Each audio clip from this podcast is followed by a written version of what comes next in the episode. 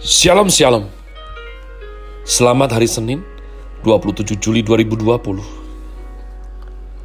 Kembali berjumpa bersama saya Pendeta Caleb Hofer Pintor dalam anugerahnya. Penuh sukacita sampaikan pesan Tuhan melalui program Grace Word yakni suatu program renungan harian yang disusun dengan disiplin.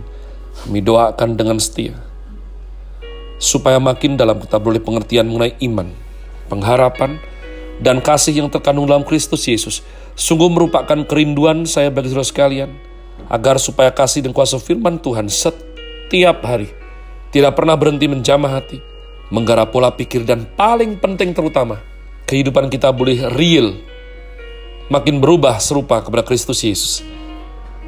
Masih dalam season autumn dengan tema Empower, Grace Word hari ini saya berikan judul Holy Bible, Kitab Suci.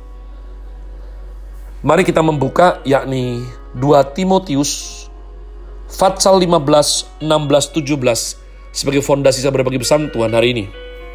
2 Timotius 15, maaf 2 Timotius 3 ayat 15 sampai dengan 17. Ingatlah juga bahwa dari kecil engkau sudah mengenal kitab suci yang dapat memberi hikmat kepadamu dan menuntun engkau kepada keselamatan oleh iman kepada Kristus Yesus. Segala tulisan yang diilhamkan Allah memang bermanfaat untuk mengajar, untuk menyatakan kesalahan, untuk memperbaiki kelakuan, dan untuk mendidik orang dalam kebenaran. Dengan demikian, tiap-tiap manusia kepunyaan Allah diperlengkapi untuk setiap perbuatan baik. Umat Tuhan, kekristenan kita tidak mungkin bertumbuh solid, valid, tanpa kepercayaan total terhadap Alkitab. Sebab gereja tidak akan mempunyai suara dan otoritas yang jelas tanpa kepercayaan total terhadap kitab suci kita. Orang Kristen akan makin ragu terhadap otoritas kitab suci itu sendiri. Secara historis, ineransi dan infallibility yang adalah sempurna adalah dua kata yang sering kali dipakai gereja untuk menyatakan otoritas dan kebenaran Alkitab secara mutlak. Sebagai orang Kristen, pentingnya Alkitab pasti bukanlah suatu rahasia yang baru bagi kita. Tetapi ironisnya, survei-survei dan juga observasi terhadap lingkungan di mana kita hidup akan dengan cepat menunjukkan bahwa tidak semua orang Kristen, tidak semua orang Kristen, masih sangat banyak orang Kristen memberikan perhatian yang cukup untuk membaca kitab suci kita. Pada ujungnya, pertanyaan yang kita perlu renungkan bersama adalah seberapa jauh kita secara pribadi seharusnya mempercayai kitab suci. Jawaban kita terhadap pertanyaan ini akan sangat mempengaruhi sejauh mana kita akan menghidupi iman kita. Dengan penemuan-penemuan arkeologis yang kurang mendukung, bagian-bagian Alkitab yang sepertinya berkontradiksi, dan keagamaan yang kerap penuh dengan kesimpang siuran, apakah kita sungguh-sungguh masih bisa memegang bahwa Alkitab itu sempurna, tanpa kesalahan, dan masih tak lekang sampai di zaman yang sangat modern sekarang ini? Seringkali tanpa kita sadari, terkadang kita bisa menyamakan ineransi dengan ketepatan, tapi makna leksikal dari kata ineransi sendiri sebenarnya adalah untuk memberitahukan kebenaran. Dalam buku The Doctrine of God, John Frame menjelaskan bahwa meskipun ketepatan dan kebenaran itu mempunyai garis kesamaan, tetapi keduanya bukan hal yang sama persis. Sesuatu yang tepat pasti benar. Tetapi suatu kebenaran tidak selalu bisa kita katakan sebagai sesuatu yang tepat. Lalu apa sebenarnya yang dimaksud dengan tanpa kesalahan? Bahwa kitab suci itu tidak bersalah umat Tuhan. Ayat yang tadi kita baca, 2 Timotius pasal 3 ayat 16-17, menyatakan bahwa Alkitablah ilham Tuhan Allah untuk manusia bisa hidup sebagai manusia yang sejati. Oleh sebab itu, kita perlu mengingat bahwa tujuan primer Alkitab bukankah bukanlah untuk menulis segala sesuatu dengan ketepatan maksimal, bukan. Melainkan untuk menyampaikan pesannya kepada kita agar kita semua dapat mengerti dan menjalankan apa yang menjadi kehendak Allah bagi kita. Sebagaimana kebenaran tidak selalu dikomunikasikan di dalam bentuk yang 100% tepat ataupun literal, kita pun juga perlu mengaplikasikan prinsip dan norma yang sama kepada para penulis kitab suci kita, umat Tuhan. John Frame menjelaskan bahwa sebagian besar dari Alkitab ditulis dengan bahasa sehari-hari.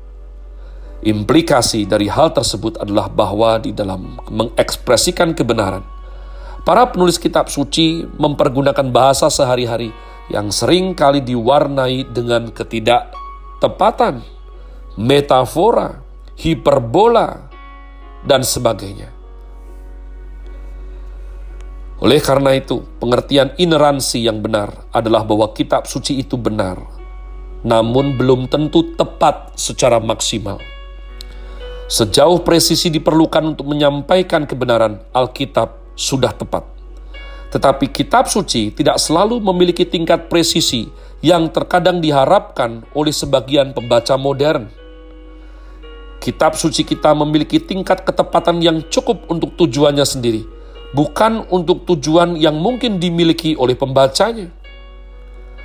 Maka untuk mengetahui klaim yang dibuat oleh para tokoh asli dan penulis adalah penting untuk kita.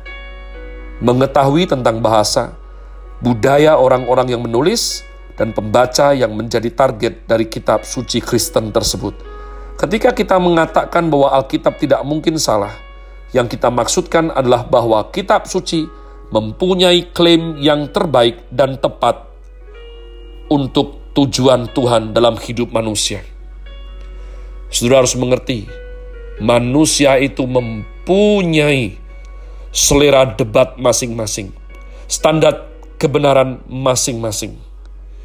Jadi umat Tuhan sejauh ini ya dengan kita belajar apologetika maka firman Tuhan kitab suci Kristen adalah yang paling solid, paling valid daripada banyak kitab di muka bumi ini, umat Tuhan. Fondasi dari argumentasi dan keyakinan kita untuk membaca kitab suci yang sempurna dan tanpa cacat sebenarnya terletak pada klaim bahwa kitab suci bukanlah sekedar buku yang penuh dengan kebijakan, kebajikan, dan pelajaran hidup. Tetapi bahwa Alkitab adalah firman Tuhan. Ilham Allah. 2 Timotius 3 yang ke-16. Di zaman yang cenderung makin skeptik terhadap keagamaan, mujizat, tanda, atau bukti yang kelihatan adalah hal-hal yang sering dicari untuk memverifikasi kebenaran dan kuasa dari sebuah pelajaran agama, keyakinan, maupun iman. Di satu sisi, kita harus mengakui bahwa mujizat yang diberikan Tuhan pada dirinya sendiri adalah sesuatu yang baik dan masih bisa terjadi, bahkan terus terjadi sampai hari ini. Tetapi 2 Petrus 1 ayat 16 sampai 21 juga telah memberikan kepada kita case study untuk merenungkan apa yang tertulis mengenai mujizat dan firman Tuhan. Pada ayat 16 sampai 18, Rasul Petrus menegaskan kepada kita bahwa dia tidak berkata-kata dengan sembarangan dan bagaimana dia secara pribadi menyaksikan transfigurasi Kristus. Tetapi yang mengherankan di sini adalah fakta bahwa pada ayat yang selanjutnya, Rasul Petrus langsung menomorduakan testimoni pribadinya. Petrus seperti mengatakan bahwa sekalipun aku telah menyaksikan transfigurasi Kristus, kita memiliki sesuatu yang lebih trustworthy, lebih terpercaya, dari semua kesaksian yang manusia dapat berikan. Bahwa kita memiliki sumber pengetahuan tentang Kristus yang lebih pasti dan lebih layak untuk dipercayai. Ayat 20 sampai dengan 21 kemudian memberikan kepada kita penjelasan bahwa keyakinan Rasul Petrus sebenarnya bersandar kepada pekerjaan Roh Kudus yang memberikan pengertian dan dorongan kepada orang-orang untuk bersaksi di dalam nama Tuhan Allah. Melalui perikop tersebut kita bisa melihat kitab suci sebetulnya memberikan otoritas, prioritas kepada firman Tuhan. Lebih dari segala kesaksian manusia yang lain. Jadi umat Tuhan, kesaksian pribadi sangat penting.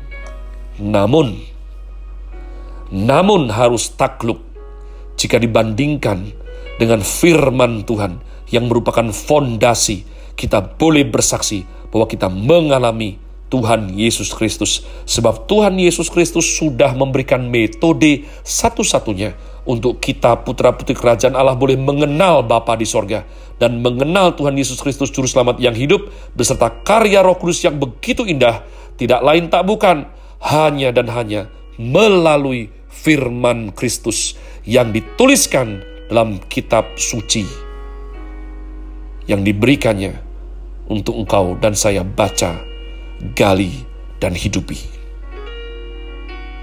Saya berdoa bahwa mulai hari ini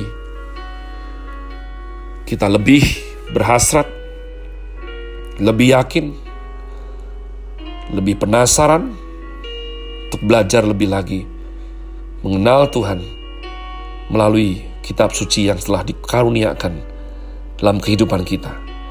Have a nice day. Tuhan Yesus memberkati saudara sekalian.